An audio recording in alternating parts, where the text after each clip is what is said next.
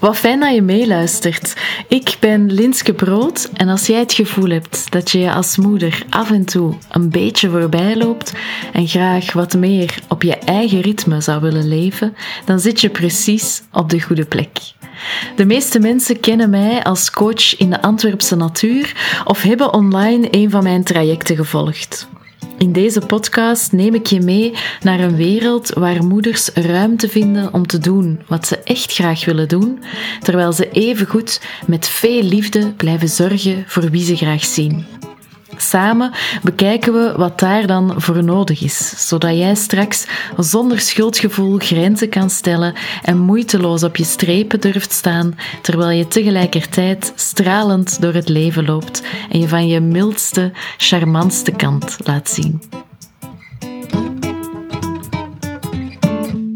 Ik interview vandaag Hans, Hans Hoed die ik uh, tegenkwam als uh, leerkracht en ouder met mijn dochters op school.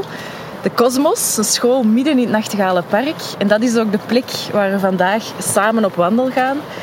Ik ben heel benieuwd wat jullie daarvan vinden en ook of ik het zelf leuk vind al wandelend.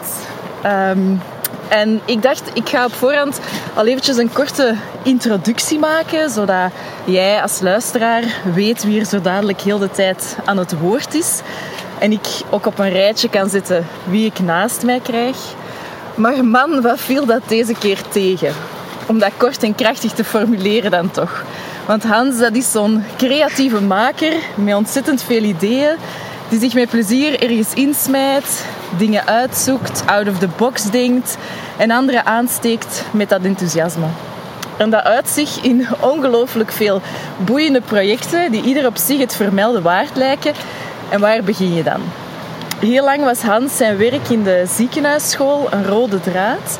Maar daartussendoor passeren evengoed heerlijke podcasts, wordt hij kindertalentencoach, verdiept hij zich in persoonlijk leiderschap, maakt audiocadeaus voor mensen die op zoek zijn naar een bijzonder geschenk, werkt mee aan een project over seksualiteit voor jongens, gaat tussendoor ook nog ergens 3D printen en cello spelen en zingen in een orkest en werkt tegenwoordig als lector bij de AP Hogeschool in de educatieve bachelor. Een ja-zegger noemt hij zichzelf en ik begin te begrijpen wat hij daarmee bedoelt. Hans is zo'n man wiens brede glimlach je al van ver ziet aankomen en daarnet zelfs al hoorde. En ik was blij verrast toen hij vorig jaar de duo-leerkracht van mijn oudste dochter werd. Hij is, zoals ik al zei, kindertalentencoach en bij het eerste oudercontact mochten we samen met hem meteen op zoek naar de talenten van onze dochter. Een leerkracht die vertrekt vanuit wat je kind echt goed kan, daar word ik instant blij van. Ik ben dan ook enorm benieuwd hoe hij daar met zijn eigen kinderen mee aan de slag gaat en hoe we die talenten in onze maatschappij ook nog verder zouden kunnen inzetten. Toen hij vol vuur vertelde over zijn podcast Vaderklap en Man, over hoe mannen hun man zijn ervaren en hoe vader te zijn in de 21ste eeuw, was ik helemaal zeker dat ik deze warme, positieve, gedreven, ruimgeestige man een keertje wilde interviewen omdat ik het heel vaak over het moederschap heb en in mijn praktijk als coach in de natuur vooral vrouwen en moeders begeleid, uh, ben ik heel erg benieuwd naar de andere kant, uh, naar het verhaal als vader en uh, als man. Klopt dat een beetje als ik dat zo zeg? Maar ik vind dat een hele schone intro. Ja? Oké. Okay, okay. Is er iets dat je graag wilt aanvullen? nee, ik word er heel stil van. Oké. Ja. Oké. Ga ik ondertussen eens kijken of uh, ons opnamemateriaal het nog doet. Maar dat ziet er goed uit. Ik uh, heb uh, Hans zijn microfoontjes mogen lenen. En ik ben dus in volle verwachting naar het resultaat. En of dat we dat hier goed gaan doen. We hebben daar net al een microfoon in het water laten vallen. Dus dat belooft. Ja.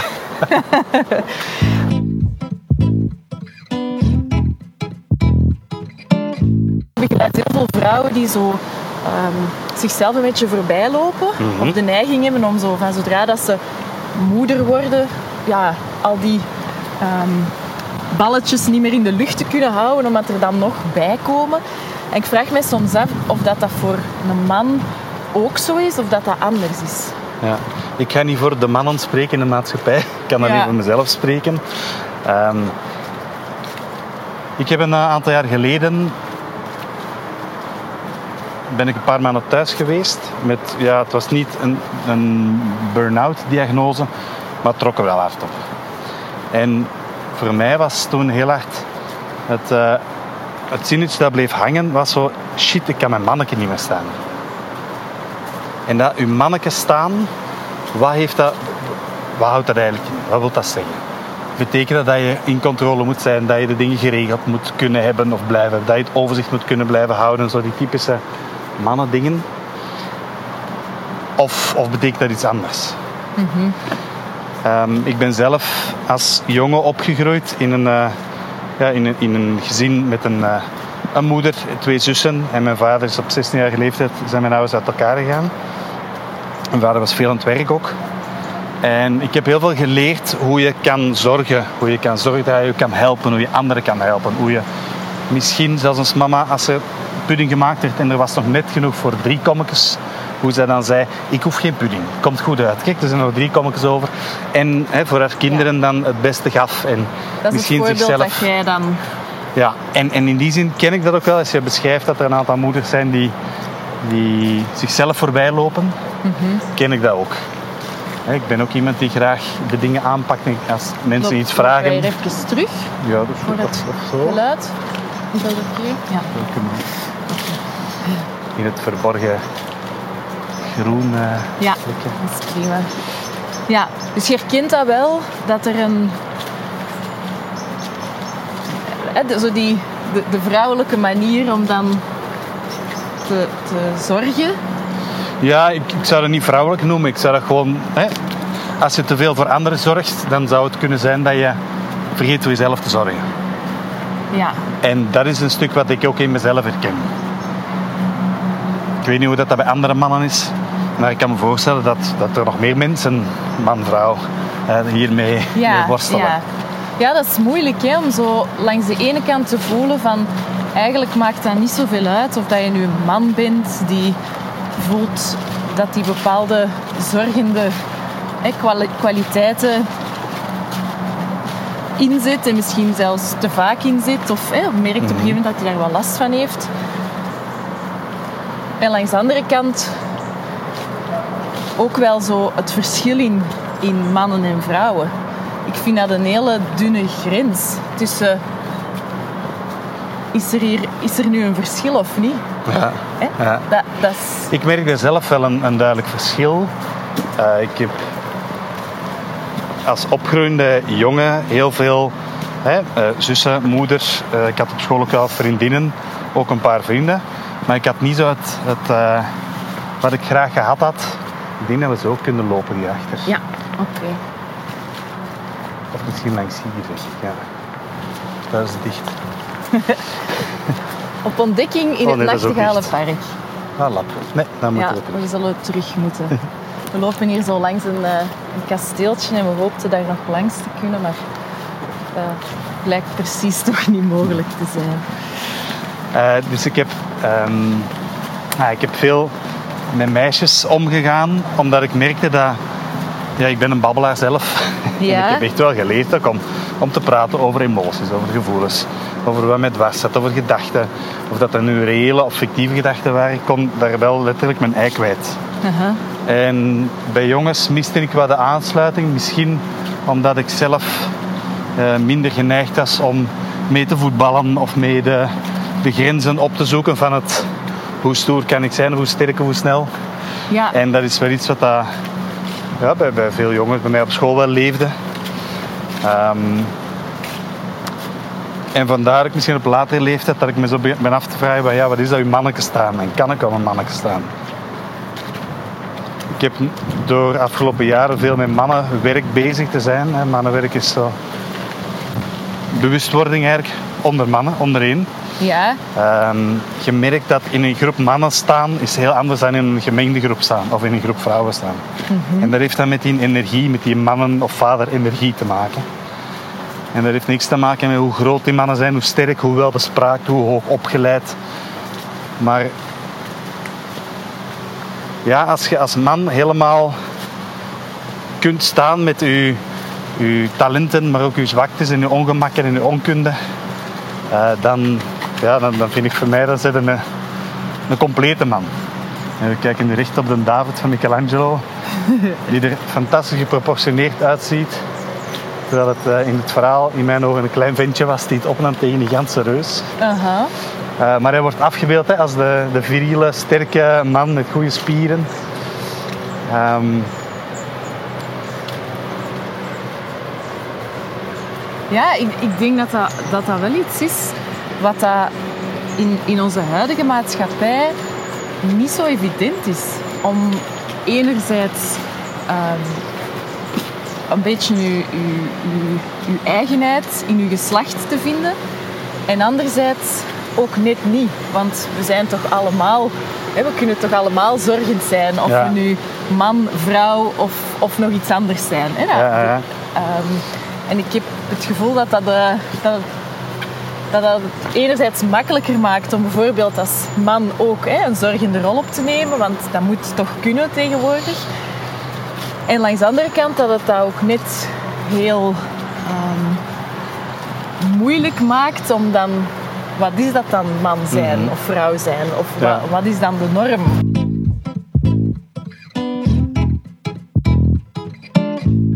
als je zo naar jezelf kijkt, als je zegt van goh, ik heb op een gegeven moment iets, een periode gehad wat je als een burn-out of als iets gelijkaardig mhm. kunt bestempelen.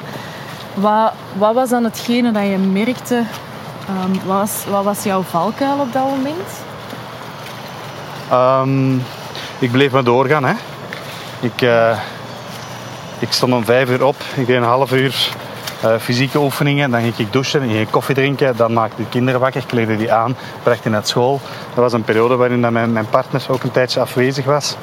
Um, en daar heb ik heel veel ballen hoog gehouden, blijven werken, voltijds blijven werken. Daarna de kinderen van school gaan halen, boodschappen doen, koken. Ja, dan, dan nekt mij, heeft mij gewoon genekt.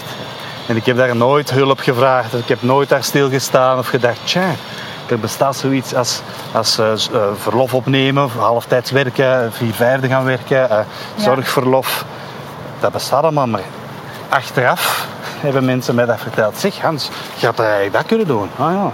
ja, er waren nog andere opties. Ja, ja. Nu, ik ben niet rouwig, omdat, want dat heeft mij leren stilstaan ook. Ik ben letterlijk hè, een beetje met mijn kop tegen de muur gelopen. Um, en dat herken ik ook al in verhalen van andere mannen trial and error. Probeert, loopt keihard met je kop tegen de muur en dan gaat het leren. Je kan over alles voordat je iets gaat doen nadenken en bewust zijn, maar dat houdt je ongelooflijk tegen. Ja. En dat heeft mij in het verleden ook al tegengehouden, omdat ik redelijk bewust was van bepaalde dingen of, of redelijk geleerd had om te kijken naar mijn eigen gedrag of naar mijn eigen emoties. Hield me dat ook wel tegen om spontaan in het leven te staan en om dingen uit te proberen en te doen. En met de beste bedoelingen ook te falen. Ja. En hoe is dat nu? Hoe zorg je er nu voor dat dat niet meer tot... Allee, dat dat niet meer zo ver komt? Uh, het lukt me al af en toe. Met een brede glimlach. het lukt me al af en toe om eens te denken: Goh, het is tien uur en ik ben moe. Ik ga gewoon slapen. Ja. En ik laat de 100 projecten gewoon liggen. Ja. ja. En ik lach omdat ik vannacht om twee uur pas dacht, nu is die moment daar. Uh ja. Dus dat, dat blijft zoeken. Dat blijft zoeken. Um, ja, dat helpt als, als ik mijn lijf voel. helpt als ik de kinderen in bed leg, ik lees een verhaaltje voor en ik val in slaap. Dat is een teken, kijk, ik ga gewoon slapen. Het is goed geweest. Ja. ja. Maar dat vind ik moeilijk. Uh, mijn hoofd is daar soms wat sterker in dan, dan mijn lijf. Of uh, mijn hoofd slaat mijn, mijn gevoel wat af. En wat maakt dat je dan blijft gaan? Wat is de, de motivatie? Um, vroeger was dat vooral de buitenwereld. Ik wil dat project af hebben, want dan gaan mensen zien hoe goed dat het wel is. Ja. Ik was ook wel iemand die heel perfectionistisch kon zijn en de dingen echt goed geregeld, wou geregeld hebben. Mm -hmm. um, de valkuil is dat ik dat dan voor anderen doe, niet voor mezelf. En nu lukt het mij af en toe om projecten te zeggen, ja kijk, het is nog niet klaar. Want ik kies nu om andere dingen te doen of ik kies om te slapen. Ik had eigenlijk gisteravond een podcast online willen hebben, maar kijk, hij is nog niet afgemonteerd. Ja. Sorry Wim, ik heb mijn belofte niet aangekomen. ik heb wel, ja, ik wou zeggen voor mezelf gestort, maar dat is niet waar, want ik was met andere projecten bezig. ja. Zijn er dingen waarvan dat je wel ehm, zegt van oké, dat, dat, dat zie ik nu wel dat voor mij makkelijker is geworden?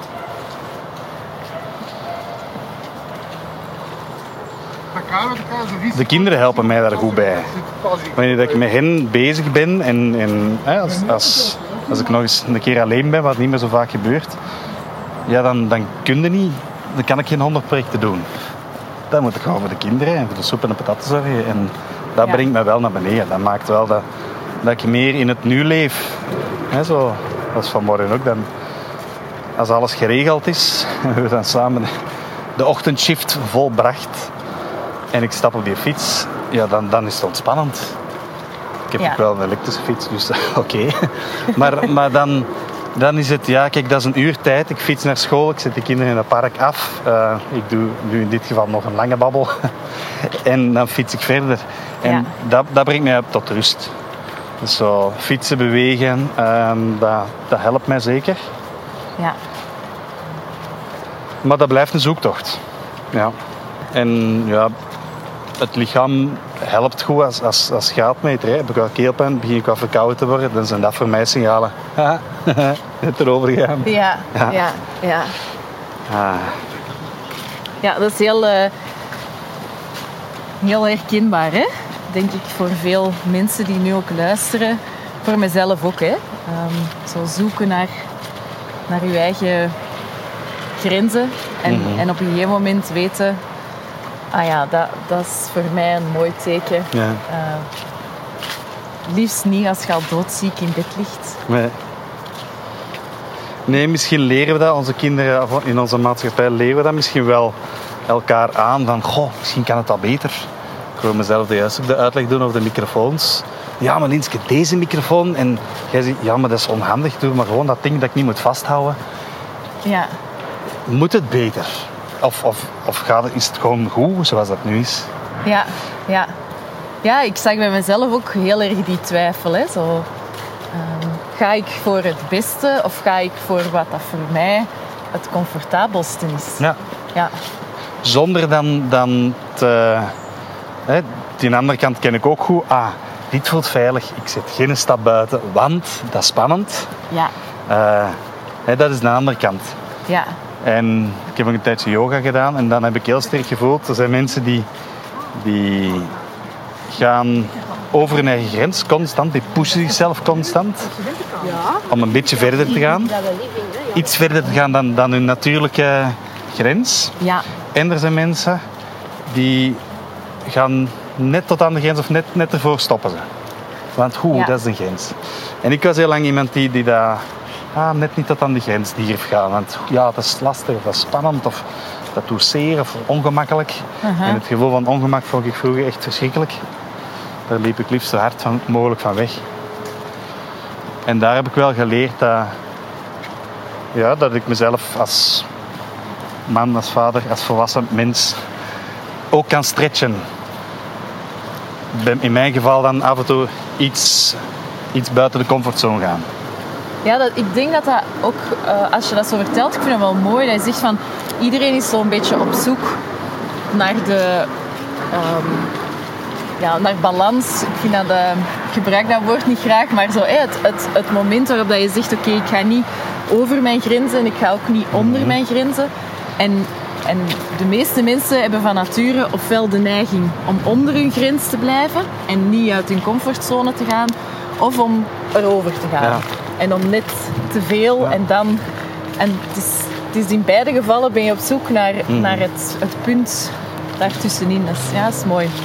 Als je dan kijkt naar, naar mijn kinderen, waar ik hoop eh, hen bij te kunnen brengen, is om, om hen niet constant te pushen en hen niet constant te beschermen.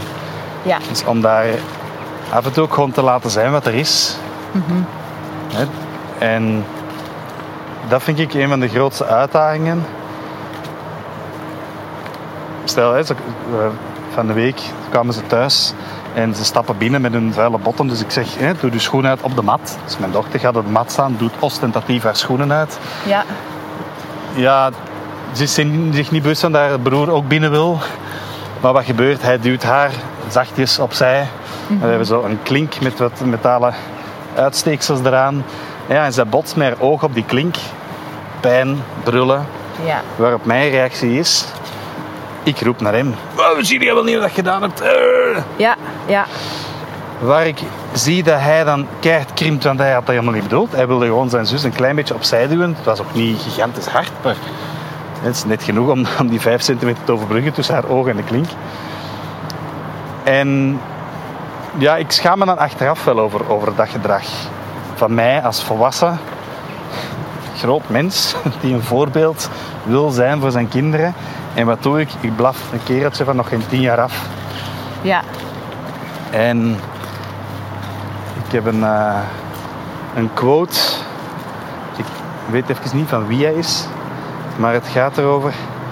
Als je kritiek geeft aan je kinderen, elke keer als je kritiek geeft aan je kinderen, je kinderen gaan jou als, als ouder daar niet minder graag om zien. Ze gaan alleen zichzelf minder graag zien. Ja. Met dat ik het zeg, kruipt de rilling ook over mijn lijf. En ik weet, oké, het is misschien een klein onnozel voorval, maar ik weet, mijn uitroep toen aan mijn zoon maakt dat hij zich een beetje minder waardig voelt. Want hij heeft iets fout gedaan. Ja. Terwijl hij dat eigenlijk niet goed begrijpt, want hij had helemaal niet de bedoeling om iemand Nee. pijn te doen. Het was een ongeluk. Ja. Ehm, en ik, ik zie heel veel mensen met, die, met de schuldgevoelens hè, en de schaamte en, en wat dat daar dan aan vasthangt. En ik denk dat dat als ouder ook iets is wat, waar we onszelf in twee richtingen bewust van moeten zijn. Tuurlijk is dat waar dat wij die impact hebben op onze kinderen. En tuurlijk is dat ook waar dat wij mensen zijn die schrikken en die op het moment dat we schrikken uitvliegen. Ja. En het zit hem denk ik vooral... Ik was ehm, onlangs naar een podcast van Radio Mama aan het luisteren. En dat ging over eh, communicatie. En daar werd dat ook in verteld. Van dat je ehm, hè, geweldloze communicatie, dat is niet dat. Hè? Dat is dus dat je op dat moment zo eh, aangeeft wat je gevoelens zijn en hoe dat je daar dan Ja. geschrokken waart enzovoort.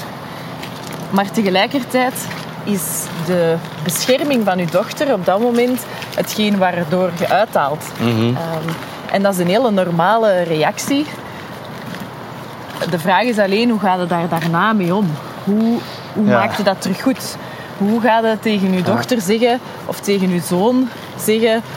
Goh ja, ik was wel even geschrokken, maar ik zie wel dat je dat niet, dat je dat niet expres gedaan hebt. Hè? Ja. Ehm, dus ja, ik had niet zo moeten roepen, maar ja, ik was even, eh,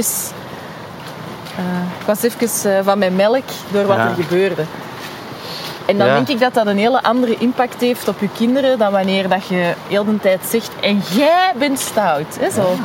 Ehm, Want dat brengt niks bij. Dat, dat helpt mijn dochter niet op dat moment. Dat helpt mijn zoon niet op dat moment. En dat Nee. helpt mij niet op dat moment. nee. Behalve dat ik misschien even van mijn geschrokkenheid eh, vanaf ben. Ik heb daar even Ja. bol over hem gesmeten. Ja, Ja. ja. Maar aan de andere kant is het, ook, is, is het ook wel heel makkelijk om dat allemaal op je schouders mee te torsen. En, en de, ja, eh, het welzijn van onze kinderen volledig als onze verantwoordelijkheid te beschouwen. En, en op een gegeven moment te denken, ja, zie je wel, ik doe het dus echt niet goed. Hè. Ehm, en dat is... eh,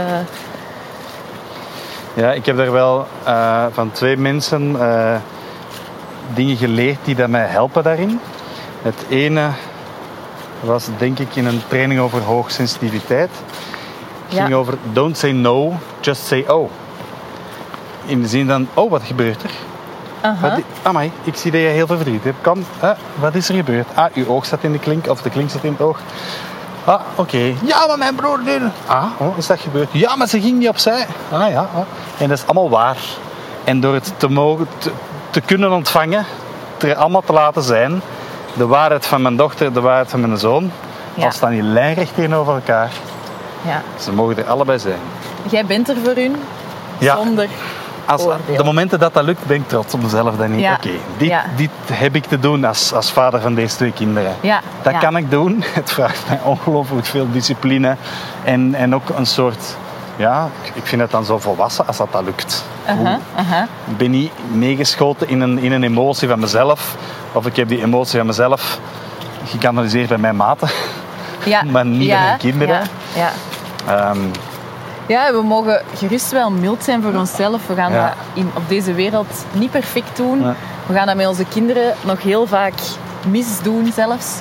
Ehm, maar het feit dat we daarmee bezig zijn, dat we ons, ons best doen, dat Mhm. we ons bewust zijn van het effect dat wij hebben op onze kinderen en dat we misschien elke dag één keertje meer die verantwoordelijkheid als, eh, of, of die trotsheid als eh, ouder kunnen ervaren, ah, die volwassenheid, hè, nee. Ehm, ja, dan, dan ben je op de goede weg. Hè? Ja. En dat, dat denk ik dat... Want dat is hetgeen dat ik, dat ik heel vaak zie, is dat, ehm, dat we zo al die verantwoordelijkheid op ons nemen. En niet alleen als ouder, hè, maar ook op ons werk.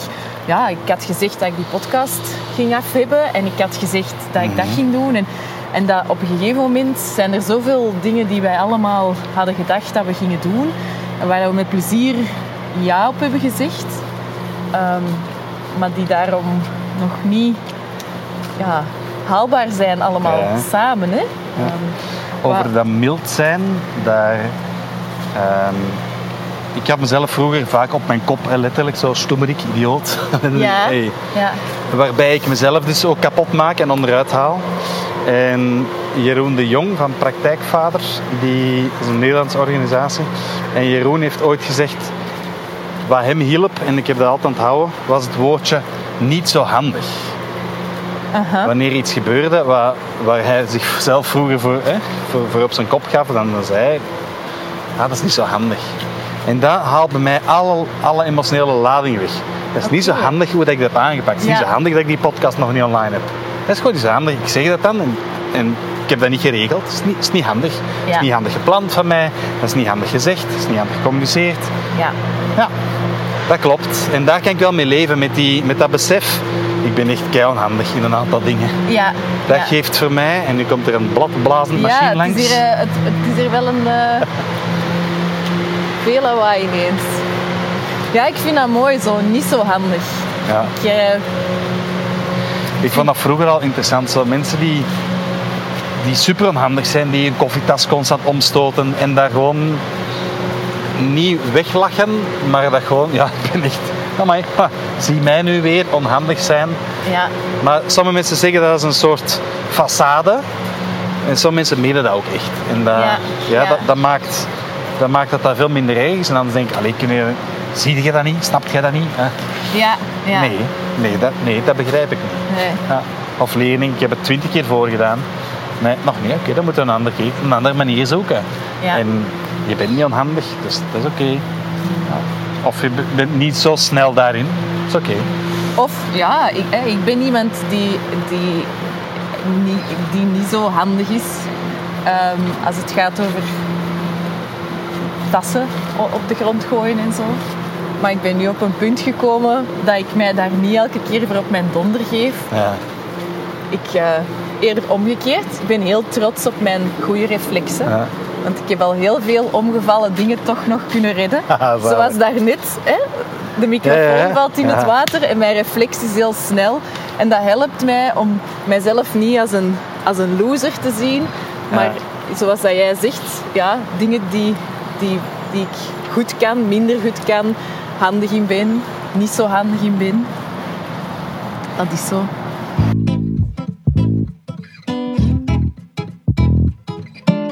Als het zo gaat over zo, dat soort dingen, hè, van, dat, ehm, wat dat je goed kan, wat dat je niet goed kan. Je hebt daar als, ik vind hem wel een mooie als talentcoach.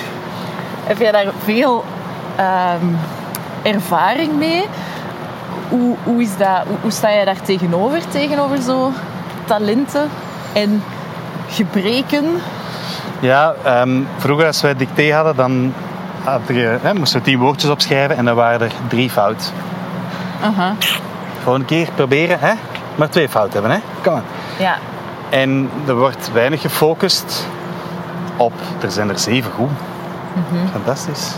Ja, maar, ja, maar er zijn er, zwart, maakt niet uit. En dat kunnen we ons kinderen leren. Door het stemmetje, wat dat duizend keer harder brult, er zijn er wel drie fout. Dat het zwijgen op te leggen en heel veel focus te geven door zelf daarop te benoemen, daarnaar te kijken. Er zijn er zeven goed. Fantastisch. Zeven, ja, maar dat waren de gemakkelijk. Zwart, er zijn er zeven goed. Ja. En, en je kind helpen om de focus daarop te leggen.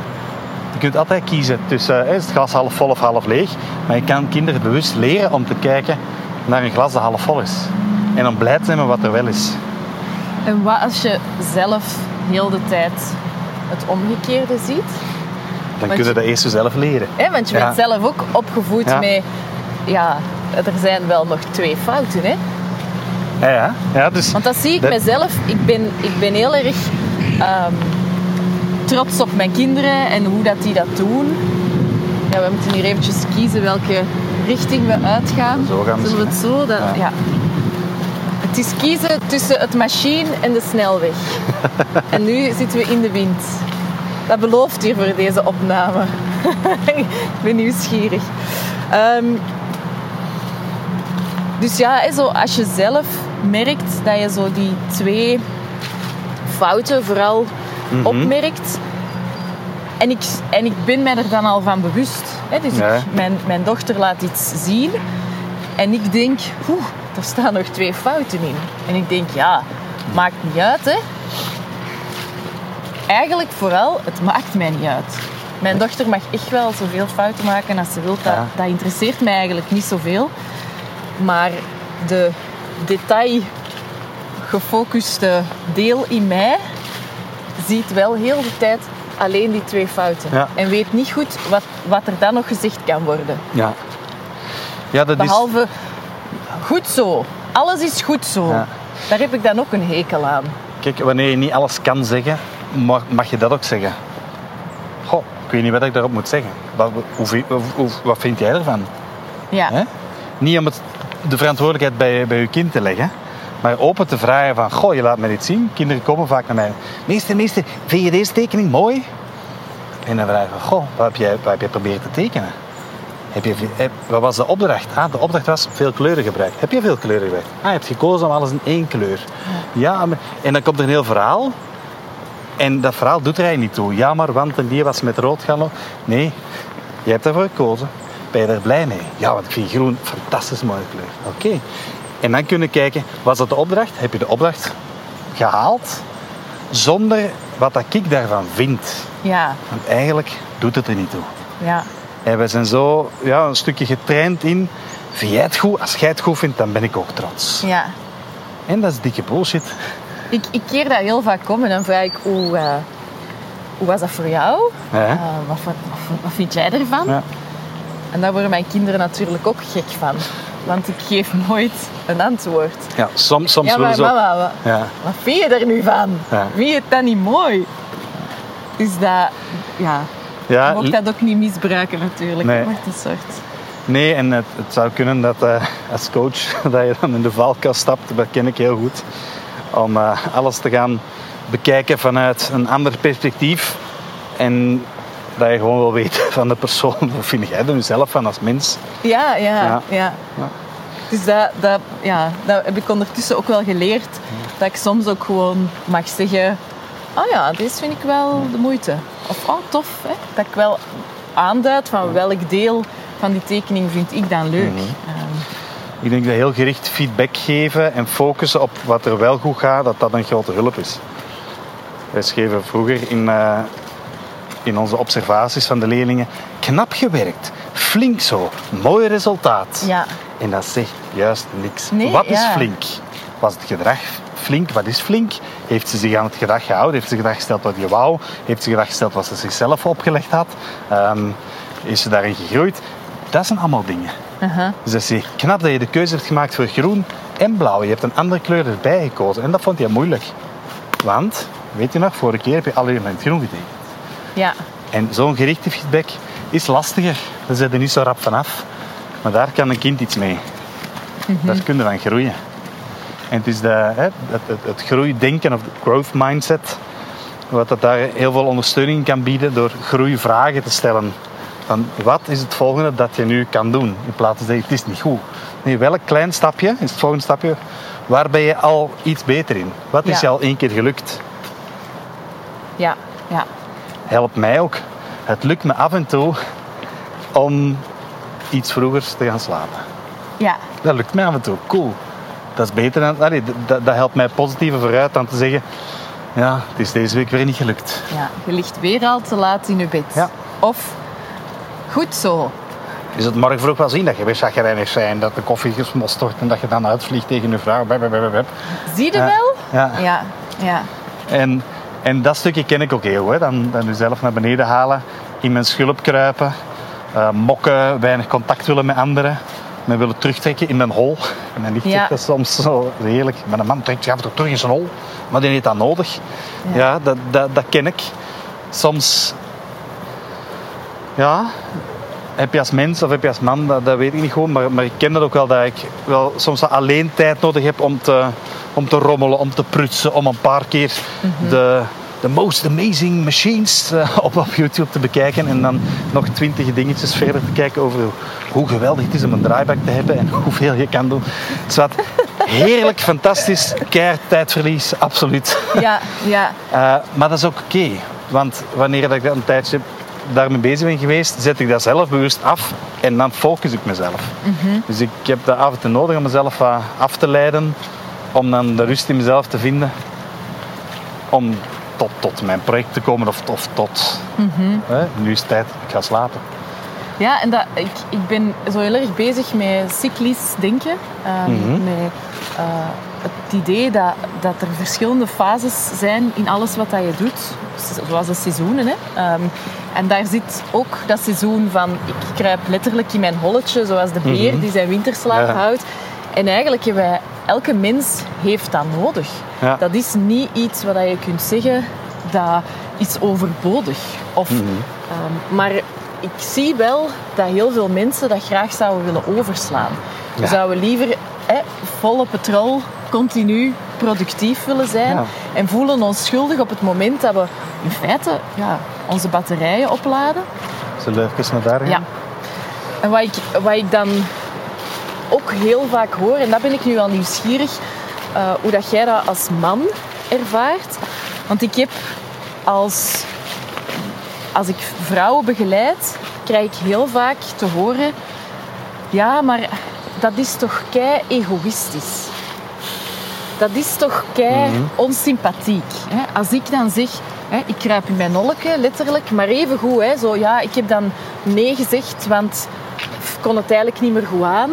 Ehm, dat is toch heel onaantrekkelijk. Hè, voor een man is het toch niet aantrekkelijk als een vrouw...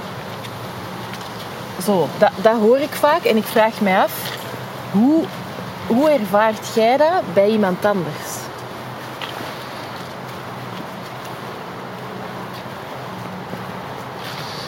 Ehm,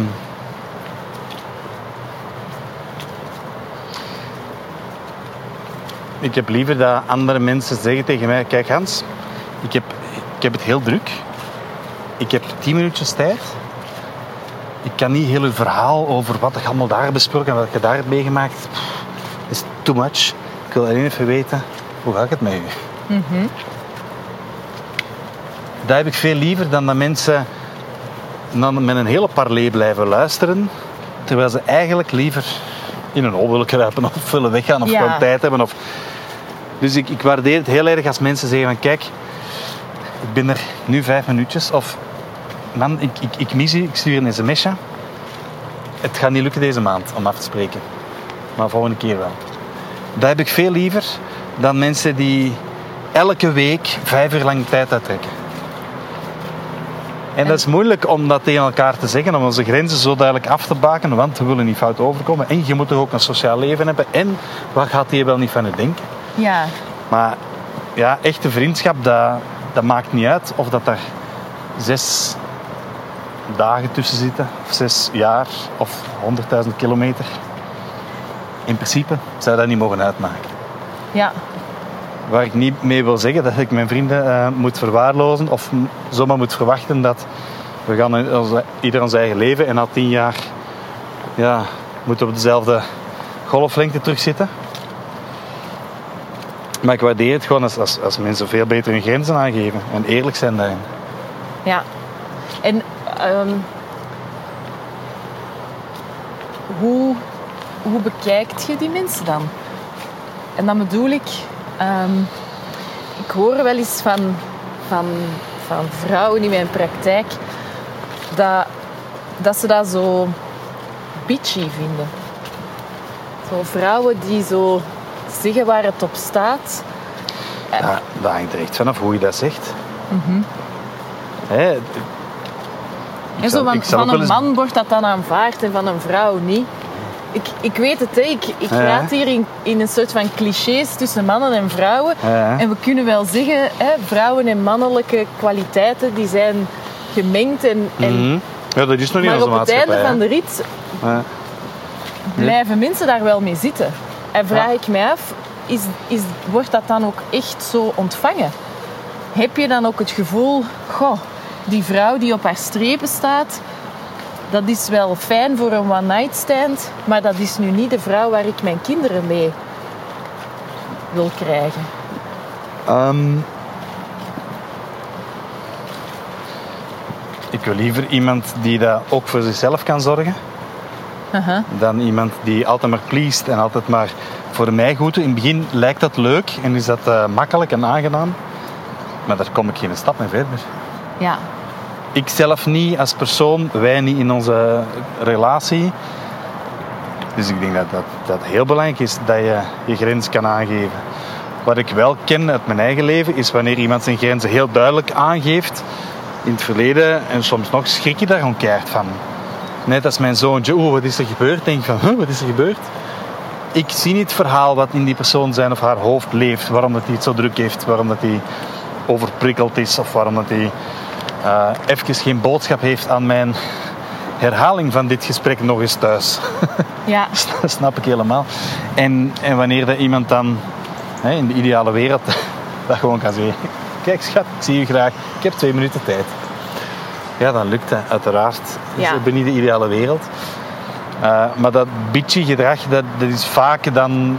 Als ik, hè, ik kan zelf ook af en toe bitchy reageren. En dat is dan wanneer dat ik zelf slecht gezien ben, zelf overprikkel ben, zelf te veel aan mijn kop heb, zelf eigenlijk niet de dingen wil doen die er dan gevraagd worden. ja, En dan snauw ik ook wel eens. ja. Dat is even bitchy. Ja, ik vind dat mooi als je dat zo zegt, want ik hoor jou enerzijds zeggen: ehm, het is fijn als mensen alles voor jou willen doen, maar op lange termijn is dat niet houdbaar en worden mensen dan bitchy ehm, of heel ongelukkig omdat ze helemaal niet kunnen ja, zichzelf zijn en, en op een gegeven moment ook de maat vol is en dan ja, moeten ze even goed in hun holleke kruipen of Ja. eh, voor gezorgd worden. Dus dat is niet sustainable of zo. Ja. En anderzijds ook het, ehm, het feit dat, dat je eigenlijk over je grenzen gaat als je bitchy doet. Mhm. En dat het meer dan gaat over de manier waarop je erover communiceert. Ja. ja, ik heb, ehm, hè, dat is al een aantal jaar geleden, we hadden knalende ruzie. En ik had zo de gewoonte, wanneer de ruzie te veel werd, wanneer de emoties te groot werden, ik trok dat niet. Dus ik zei bye bye en ik smeet de deur dicht en ik was weg. Ja, En ik ging eh, een paar uur kwaad door de buurt wandelen. En dan dacht ik, ik loop nu om tien uur s'avonds door de buurt. Misschien dat ik gewoon terug naar huis ga, want ik, ik sta hier ook maar. Ehm, en toen heb ik ene keer gezegd, ik ga even weg en kom ze terug. En achteraf mijn vrouw gezegd, amai, merci dat je dat zinnetje zei. Want ik voel op, potje zit vol, jij bent potgestoom aan het aflaten. Niet bij mij, niet op haar, maar even buiten. ja, En dan kwam ik wel terug.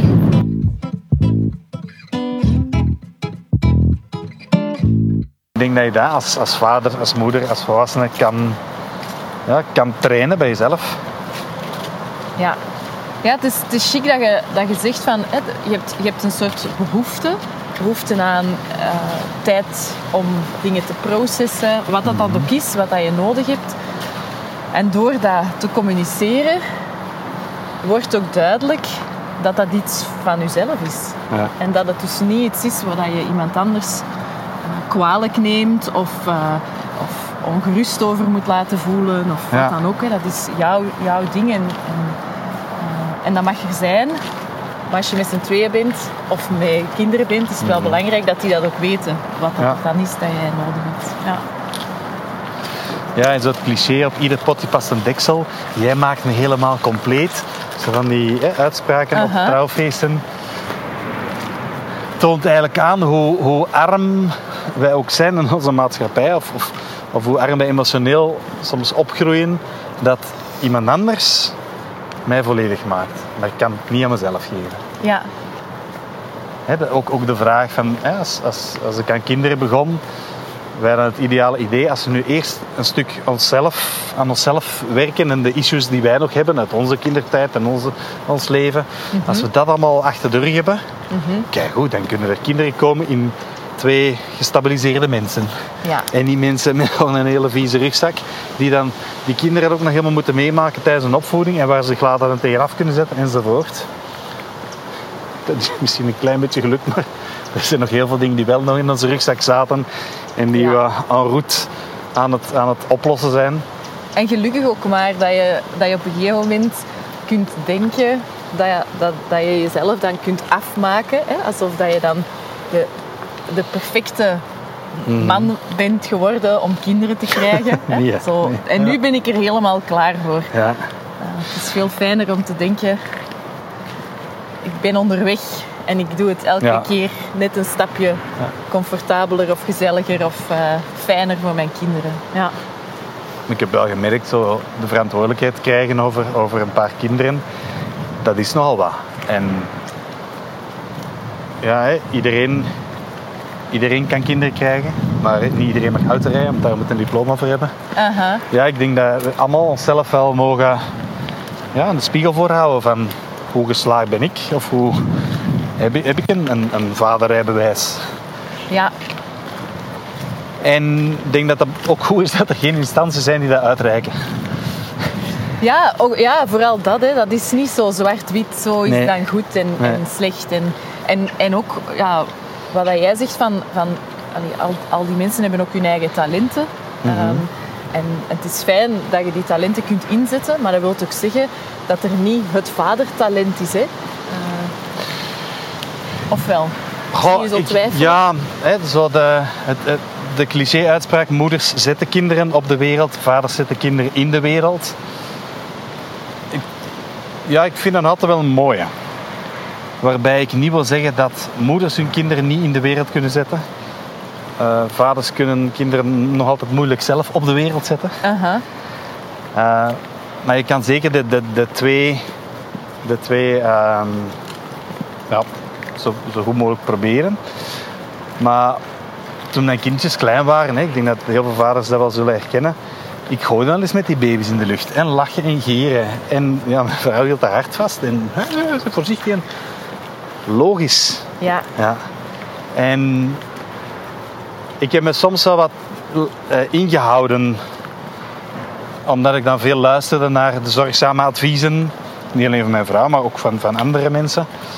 En ik denk dat het goed is dat vaders zelf proberen en op hun buikgevoel afgaan. En dat kan er dan misschien uitzien voor, voor bewuste partners. Die is weer aan het klooien en die, heeft, die, die gaan met zijn kinderen op reis en die vergeet dat en die vergeet dat en die denkt daar niet aan. En zie je wel, zie je wel, ik ben vertrokken zonder papfles. Zie je wel, ja, ik kan het je zeggen, is geen honger hebben. Hè. Ja. Laat die mensen maar met zijn neus tegen de feiten lopen. En het is, het is niet erg, hè. we leven niet in de broes. Het kind gaat niet dood. Aha. En, en dat vertrouwen geven aan vaders. Ik denk dat dat eh, mooi is als, als moeders dat eh, kunnen doen en durven doen. En, want ik heb gemerkt dat, of, en ik zie het nog in, in, in, in relaties van mensen die dicht bij mij staan. Wanneer de moeder alles probeert te bepalen en te controleren, dan is er geen ruimte voor de andere. Evengoed wanneer vaders alles proberen te controleren. Want waarom ik het zo goed herken, is omdat ik zelf een heel stuk gecontroleerd heb. Eh, ja, is dit wel goed? Is dat wel goed? Ah, we hebben dat wel goed vastgezet. Dat eten, ja, ik zou dat toch zo kruiden. Ik zou dit, oh nee, ik moet toch een beetje meer zout. Ik heb heel veel commentaar gegeven en ik geef helaas nog wel eens commentaar. Ehm, en ik heb daarin te leren ook om daar wat ruimte te geven, zodat de, in dit geval mijn vrouw, daar haar ding kan, kan zetten en doen. Ja, ja. Soms is het makkelijker wanneer dat je apart een aantal dingen doet.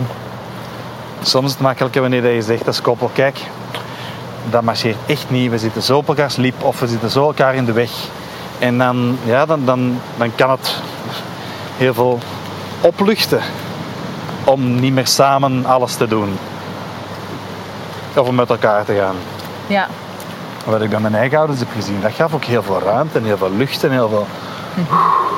En ja, daar was het zo en ja, daar was het zo. En maar als jij gaat wandelen, als het jou te veel is, dat geeft ook lucht.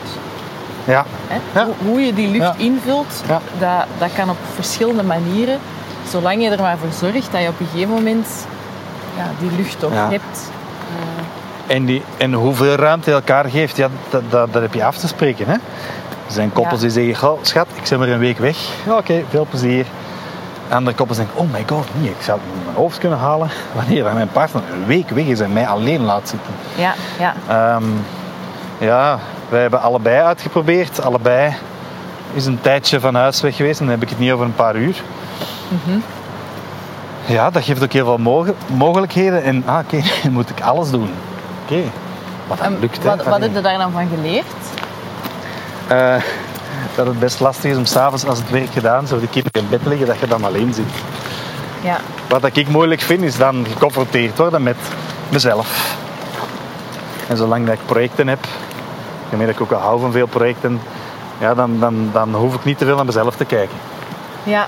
En dat is een proces wat dat bij mij dan, ja, dat vraagt wel wat, wat moed. projecten en, zijn jouw Netflix of jouw ja. koekjes of Ja. jouw ehm, flesjes bier. Hè? Dat- Oh, shit, wat het ook is dat ook flesjes mensen... bier Ja, en ook koekjes en ook want ik denk dat iedereen op een gegeven moment op zoek is naar een manier om een beetje te vluchten Ja. van wat dat er eh, moeilijk is en dat dat ook oké is.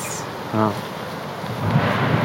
Zolang dat dan niet, ja, waar we het er straks over hadden, dat je uit het, de- het comfort te Mhm. veel opzoekt, Ja. dat je op den duur ook niet meer tevreden bent met Ja. waar je dan uitkomt. Hè?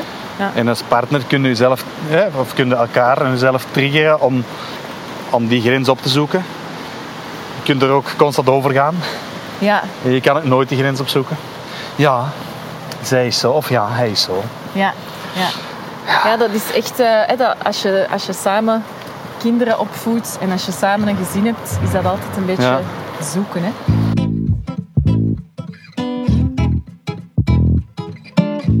Ik heb nog vier vraagjes voor jou. Die gaan over zo het cyclische. Ja? Ehm, ik vind dat heel fijn om zo hè, de vier seizoenen Mhm. te bekijken. We zitten hier nu duidelijk in de, in de herfst. Ehm, en ik heb voor elk seizoen een vraag voor jou. Ah, mooi. We gaan gewoon kort en krachtig om af te sluiten.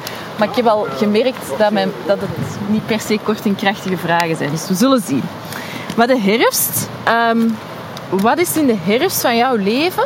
Herfst is zo dingen afwerken, loslaten, puntjes op de i zetten. Wat, wat is er in de herfst in jouw leven?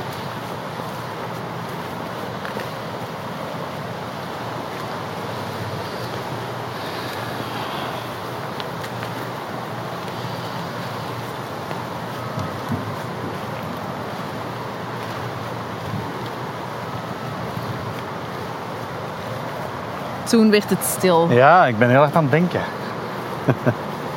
het eerste wat aan mij binnen schiet is het, eh, een project van een van de podcasts. Waar ik merk dat ah, ik, ik kan even zitten, ik kan even reflecteren. Wat wil ik daar nog verder mee? Ja. Hoe wil ik dat? En tegelijkertijd zijn er nog een paar afleveringen die ik aan het maken ben. En denk ik, ah, oké, maar dat is fijn, dat is leuk, dat, dat, dat, dat loopt. Ik weet Ja. welke vragen ik kan stellen. Dat... Maar ook zo, goh, ga ik dat volgend jaar ook nog zo doen? Of gaan we daar een andere weg in? Ja. Ik weet niet of dat, dat veel herfst is. Het is, het is mooi. Ik begin, ik begin meestal met, ehm, met de zomer. Ehm, En ik denk nu, we zijn hier zo mooi in de herfst, we zullen daar beginnen. Maar heel vaak zijn de herfst en de winter voor mensen, weet je wat we daar straks zeiden, hè? we zijn zo gewend om productief te zijn en nieuwe projecten te starten en vooral bezig te zijn met what's next. Dat het soms ook moeilijk is om, om op ja, die vraag te antwoorden. Dus laat ik beginnen met de zomer. Hè? Dat is misschien makkelijker. Wat, wat staat er in uw leven in bloei? Wat, waar ben je trots op? Wat wil je oogsten? Of kan je oogsten? Ah, ik vind het elk jaar leuk om ouder te worden. Uh-huh. Ja, eh, ik zak meer en meer in, in, in rust en in, in content zijn met wat er is. Ja, En kunnen oogsten van wat ik allemaal gedaan heb. Zeker als je dan zo'n fantastische intro geeft. En ik, wow, amai. Ja, Ja, dat, is, ja. dat is wel letterlijk oogsten. Misschien is dat ook herfst. Zo, hè? ja, ja, ja dat is Ja. inderdaad zo wat de overgang. Hè? Ja. Ja. Er veel is eigenlijk dat, dat geoogst kan worden. Ja. Zeg, en, en als je zo ehm, gaat kijken naar de, naar de lente, dat is zo ja, hè, een nieuw begin. Ehm, welke, welke zaadjes zou je nog willen planten?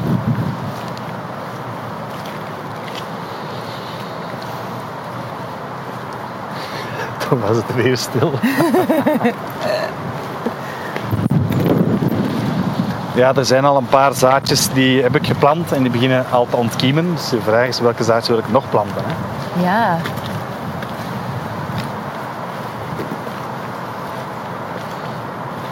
Ik hoop dat ik, ehm, dat ik door niks te willen van andere mensen of door niks te willen doen voor andere mensen, uiteindelijk veel kan betekenen voor andere mensen. Dus door nog meer te zakken in, in, in wat er nu is en, en overtuigingen los te laten en verwachtingen los te laten. En, en door, door, door te zijn. En dat is wel een, een, een, nou, een flinke pit die, die dat ik ja, wil planten. Ook Ja. al wel vaak geplant heb en, en niet goed behandeld heb, zodat die pit dan dood ging. En die toch, als je zegt van ik, ben, eh, ik vind het fijn om elkaar ouder te worden, dat zit daar toch ook een beetje in. Hè? En je zegt van zo, oké, ik ben wel tevreden met wat er is. En, en, en vanuit die rust kan ik gewoon zijn en doen. Ja, en, en dat is ongelooflijk. Ik ben uit gestart op een nieuwe job en er komt heel veel nieuw bij kijken. En ook al gezonde stress en spanning, maar ik noem het ook gezond, omdat ik er naar kan kijken en denk, wow, ik ben kei zenuwachtig. Ja, Cool. Waarmee dat vroeger altijd volledig lam legde. ja, Ehm, ja, zo dat, dat blijven staan in mijn, mezelf. Ja, kracht. Maar kracht wordt dan misschien direct zo geïnterpreteerd als, als power. En ik ben niet de meest eh, atletische bodybuilder. Eh, maar het is, het is even krachtig om, om gewoon op de plaats te kunnen blijven staan. ja, ja. Ja, mooi. En als laatste zo de, de winter. Ehm, bezinning, evaluatie. Ja, een moment om, om even in je holleke te kruipen en, en stil te staan bij... Ja, hoe, hoe doe ik dat hier nu? Ehm, waar wil jij je nog over bezinnen? Oh, ik kruip zo graag in mijn holken in de zomer. Ja, Ik ja, wil buiten schaatsen en de wind in mijn haar voelen en het ijs voelen kraken. En, ja, eh, ja.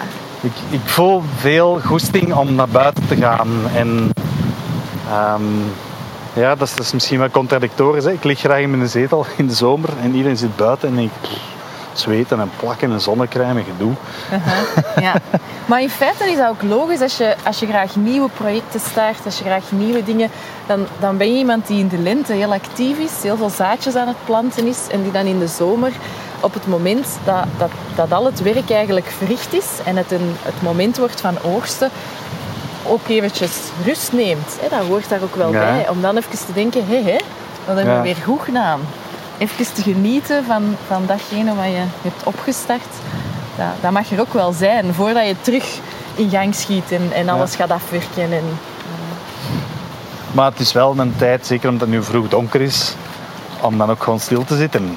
En ja, de wereld stopt iets vroeger met, met, met actief zijn, omdat het donkerder is en er zijn gezellige lichtjes. En wat dat betreft helpt die coronatijd ook wel om, om stil te staan en Ja, En soms al eens te durven voelen. Ja. ja. ja dat gaat dan zo'n beetje vanzelf. Hè? Ja.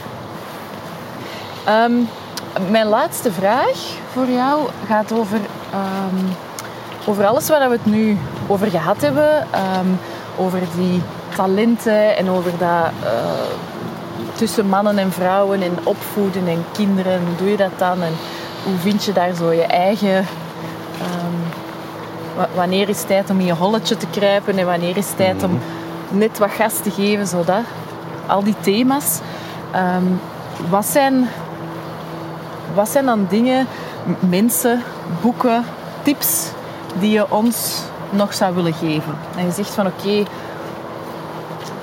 als, eh, als, als je hier naar geluisterd hebt en je denkt interessant, waar vind ik dan nog meer info? Of bij wie Ja, ja. moet ik dan eens gaan kijken? Ehm, voor mensen die graag luisteren, kan ik van harte de podcast eh Praktijkvader aanraden. Of de website, of de, de workshops, of de, de trainingen van Jeroen de Jong. Hij interviewt de meest uiteenlopende gasten, allemaal gerelateerd aan het vaderschap. Dus het is veel voor vaders. Ja, Maar soms kan het een, een hint zijn als moeder om dat op de podcast app van een man te installeren. Of er eens naartoe te gaan. Of, hè, zo. ah, zo. Ik dacht Dingen- om, om te leren hè, van een vader, maar, maar de hint vind ik ook interessant. Ja, Ja, ik merk vaak dat, dat, er, hè, dat, dat, dat mijn vrouw mij, mij hints geeft of inzichten geeft of, of triggers geeft. ja. Waardoor ik dan tot dingen kom. En dat herken ik ook al van mannen die zo op, op, een, op een cursus of een training komen. En ja, ja, ja, mijn vriendin had dat gezien, of mijn vrouw heeft dit, of, of ik ken En doe je, die. doe je dat dan? Als, als, als uw vrouw zegt, je moet die boek eens lezen? Soms. Mijn- voor, voor mijn man is dat dan een reden om het zeker niet te doen. Ja, ja. Ik denk dat het woordje moeten, je moet dat eens lezen, dat dat al Ja. afhaakding zou zijn. Ja, Ja. ja. Maar iets Ik kopen en eh, subtieler eens leggen en dan zien we wel. dat kan. Maar vooral niet veel van verwachten. Ja. Dat moet niet. Ja, Hè? Ik denk dat je daar juist veel meer bereidheid in, in schept door het niet te moeten. Voilà. Hè? Ja. Ik zeg niet dat mannen dat moeten praten over gevoelens. Het woord moeten niet. is al echt Nee. Een lichte allergie voor. Oké, nog iets dat je zegt? eh, Ehm, ja, ik heb, ik heb de, de, de, de klassiekers over hè, mannenwerk en zo. Ehm, Robert Bly. ehm Terugkeer van de Koning van Tom van der Kroon. ehm, Backbone van David Wagner. Dat zijn van, vind ik fantastische boeken. Waar ik veel aan heb gehad. Omdat er mooie beelden worden geschetst van verschillende kanten van, van man zijn. hè. Ze hangen dat erop aan archetypen. ja. De krijger is de, de, de meest bekende.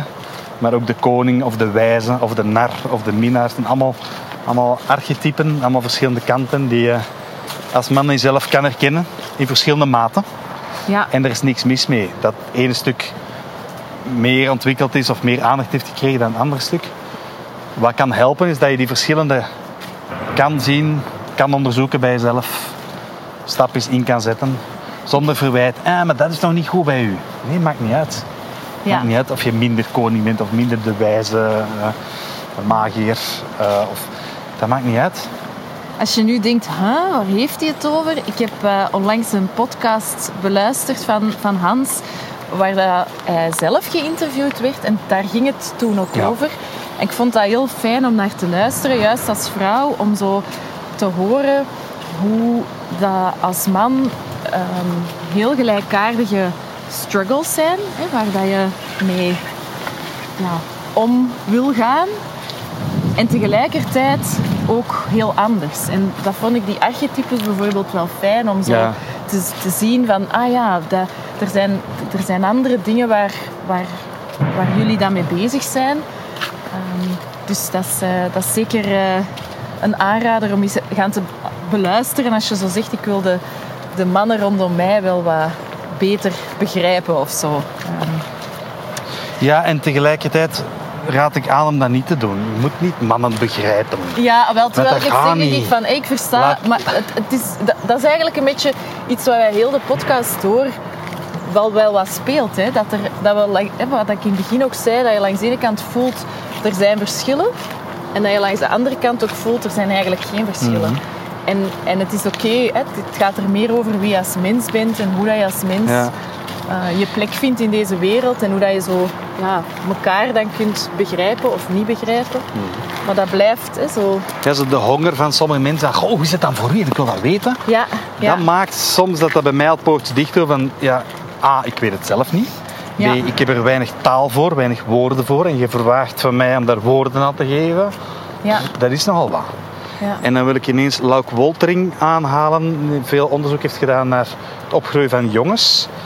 En dat eh, jongens hersens anders ontwikkelen dan meisjeshersens. Namelijk dat jongens hersens in pieken eh, ontwikkelen en meisjeshersens veel gelijkmatiger. Uh-huh.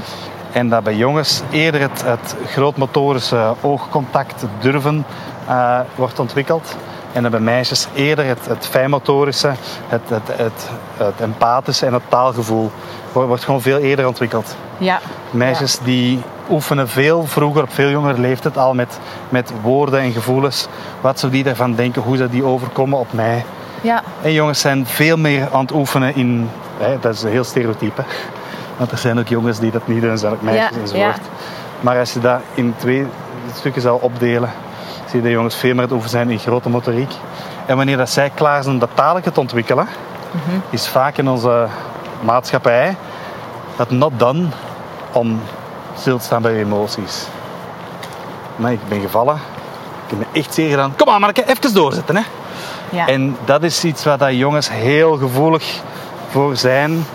Ehm, ja, jongens zijn fysiek ook als baby, als foetus veel kwetsbaarder. Veel meer kans om op, op, op dingen die mislopen. Er zijn Mhm. veel meer jongens die schooluitval hebben. Er zijn veel meer jongens die in de gevangenis zitten. Er zijn veel meer jongens met leerproblemen en gedragsproblemen. Eh, dus ik denk dat onze jongens, onze zonen, dat we daar extra zorg voor moeten hebben. Het sterke geslacht is misschien wel van buiten sterker met meer spieren, maar is misschien van binnen juist kwetsbaarder.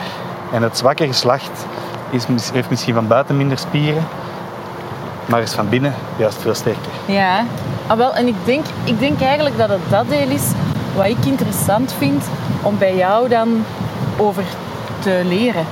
Mhm. Om, om niet per se te, te denken, ah, nu weet ik hoe het allemaal in elkaar zit. Dan komen we terug bij dat Mhm. perfecte ouderschap of perfecte vrouw zijn of wat dan ook. Dat, dat is niet de ambitie, of denk ik niet dat de ambitie moet zijn.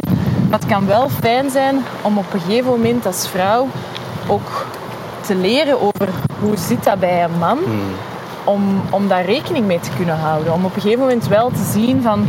Ah ja, oké, mijn zoon die, die ontwikkelt zich op een andere manier. Dus het is wel fijn dat ik daar rekening mee kan houden. Wat wil, niet wil zeggen dat ik dan hè, mijn zoon helemaal begrijp en helemaal weet hoe ik die moet aanpakken en, en daar de perfecte omgang mee heb. Maar dat, dat vind ik wel... ehm, als ik mensen hè, jouw podcast wil aanraden, is dat denk ik ook wel daarom. Dank u. Ehm, dat is eigenlijk zo een beetje... Ik heb nog een paar dingen opgeschreven. Ja, zeg maar. Dat ik die eh, wil aanhalen. In welke zak heb ik het gestoken? Hier. Hans had zijn speakbriefje boven. Ja, ja, ik vouw het open. Krakel, krakel. Ehm, ja, wat ik, wat ik nog eh, kan aanraden zijn alle vaders die met een of andere vorm van verlies zijn omgegaan. En ik wil even noemen Piet, Arno, Wietse, Remco, Bob, Laurent, Najim, Thomas, Mohamed en zo voort. Allemaal vaders die een kind hebben verloren, die een kind hebben afgegeven en daar ook over hebben willen vertellen aan mij. Eh, een aantal zijn te horen in, in, in podcasts, waar ik zelf heel veel heb gehad als ook vader, als vriend, als man, om naast een andere man te staan met zoveel verdriet en pijn en te durven daar blijven staan en samen naar een grafje wandelen van een kind. En ik denk dat, dat als vaders iets met elkaar kunnen doen, zijn het zo'n dingen. Zijn het stilstaan bij elkaar. Ja, Dat kan rond, rond een heftig thema zijn, maar dat hoeft niet. Je kan ook naast elkaar gaan zitten en kijken naar een dobber van uw vislijn. Ja. En misschien kunnen moeders dat ook wel af en toe eens oefenen. Uh-huh. Om bij hun man of bij hun vader of bij hun zoon of bij te zijn. Ja, het zijn, het Zonder zijn taal. dat soort... Ja, ik, ik, vind, ik, ik heb denk ik geluisterd naar Bob. Ja. Ehm, en, en zo de, de kwetsbaarheid waarmee hij dan vertelt, vond ik heel erg mooi om voor mezelf ehm, ook een zekere mildheid te hebben naar jullie dan. Hè? Zo, Mhm. net wat je daar net zegt, hè? Zo, die eh, sterke man die daar zo gezegd onaantastbaar lijkt te wezen. ja. En dat je dan dat ook de andere kant ziet. Dus Ja. dat vond ik, vond ik mooi. We, we hebben het nu over jouw podcast gehad. Zijn er zo nog dingen dat je zegt van daar kunnen mensen mij vinden als ze over jou graag meer willen te weten komen of over alles wat Ja, ik heb dingen die ik eh, heb gebundeld, of, eh, die, waar ik mee bezig ben, gebundeld op een, op een websiteje. Eh, ik heb dat de pretentieuze naam gegeven, hanshoed.be. Ja, Ehm, hè, dat was een zaadje wat al lang geleden is geplant, wat ik weinig water geef. Ehm, in commerciële termen ben ik daar slecht mee bezig. ja, je zegt het ook, een websiteje. Terwijl daar gewoon een mooi overzicht is van alles wat dat jij doet. Oh, voilà, kijk. Dus mensen, gaan daar een keertje kijken. Ja. En eh, zoek voor, u, voor uw zonen en voor uzelf datgene wat dat je... Ja.